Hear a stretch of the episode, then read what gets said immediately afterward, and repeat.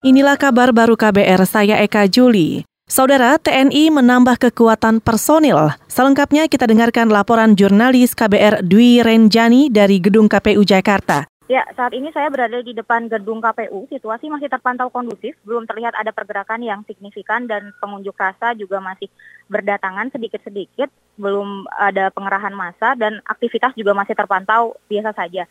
Sedangkan untuk pengamanan ratusan brimob telah bersiaga di luar dan di dalam kawat uh, di dalam pagar kawat berduri maksud saya. Situasi uh, lalu lintas juga masih sangat lancar, tidak ada pengalihan arus. Personil sendiri merupakan gabungan dari Brimob, Sabara, dan Polwan ditambah dengan TNI. Sedangkan menurut info yang kami dapat dari juru bicara TNI Sri Sriadi, untuk membantu pengamanan Jakarta hari ini sebanyak 12.000 personil TNI diturunkan dan 20.000 disiagakan untuk pengamanan Jakarta. Bantuan terdiri dari Jawa Timur, Jakarta, Jawa Barat, dan sekitar Jakarta. Dari halaman gedung KPU, Dwi Renjani melaporkan.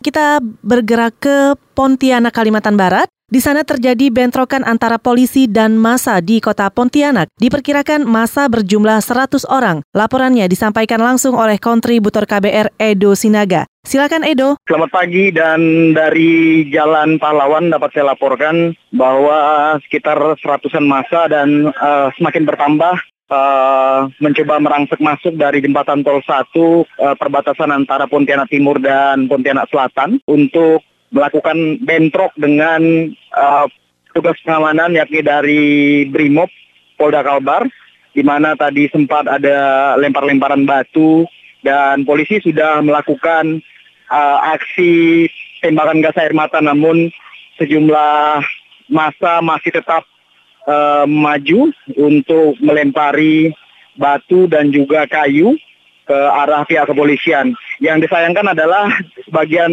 masa tadi uh, berdasarkan laporan pandangan mata saya ada yang membawa senjata tajam uh, sekira satu meter panjangnya uh, berbentuk pedang seperti itu dan ada pula yang membawa senjata tajam jenis celurit untuk uh, diarahkan kepada pihak kepolisian. Dan pihak kepolisian sendiri bersama dengan TNI sudah mengeluarkan sejumlah tembakan uh, dan pihak kepolisian melalui pengeras suara tadi menyampaikan bahwa tembakan tersebut adalah tembakan peluru hampa.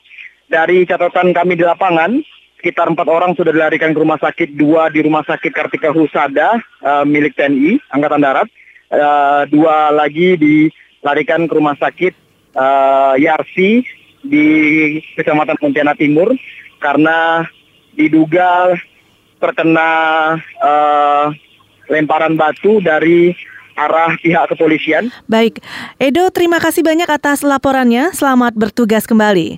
Dan saudara, kita ke informasi bursa saham.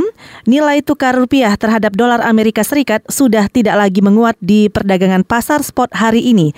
Dolar Amerika masih tetap di kisaran 14.400 rupiah pada jam 9 pagi waktu Indonesia Barat. Satu dolar Amerika dibanderol Rp14.485. Rupiah melemah 0,07 persen dibandingkan posisi penutupan perdagangan hari sebelumnya. Padahal rupiah menguat 0,07 persen saat pembukaan pasar. Indeks harga saham gabungan atau IHSG pada perdagangan hari ini diproyeksikan bergerak volatile sesudah kemarin kembali ditutup menguat pasca pengumuman Komisi Pemilihan Umum atau KPU yang menetapkan pasangan Jokowi Ma'ruf sebagai pemenang pemilihan presiden 2019. Dan saudara kita ke Jawa Timur. Kondisi keamanan di Jembatan Suramadu dilaporkan kontributor KBR normal terkendali. Isu yang menyebut akan ada penutupan Jembatan Suramadu tidak terbukti. Selengkapnya kita dengarkan laporan kontributor KBR Budi Prasetyo. Saudara, hingga pagi ini arus lalu lintas yang melewati Jembatan Suramadu berjalan lancar kendaraan roda 2 dan roda 4 terlihat melewati jembatan baik dari arah Surabaya ke Madura maupun sebaliknya. Meski demikian, puluhan petugas dari Brimob dan TNI terlihat berjaga di pintu masuk Suramadu dari sisi Surabaya. Spanduk bertuliskan jalan terus terpampang besar di atas pos jaga jembatan Suramadu. Dua hari belakang, belakangan ini, isu adanya penutupan jembatan Suramadu merebak. Hal itu terjadi menyusul beredarnya selebaran himbauan Habib Semadura agar jembatan Suramadu ditutup. Informasi yang dihimpun, polisi sendiri melakukan pengamanan berlapis terhadap jembatan Suramadu di sisi Madura. Polisi juga mencegah ribuan warga yang diduga akan berangkat ke Jakarta mengikuti aksi pada tanggal 22 Mei pada hari ini. Demikian laporan saya Budi Prestio, kontributor KBR dari Surabaya. Terima kasih Budi Prasetyo dan saudara demikian kabar baru. Saya Eka Juli.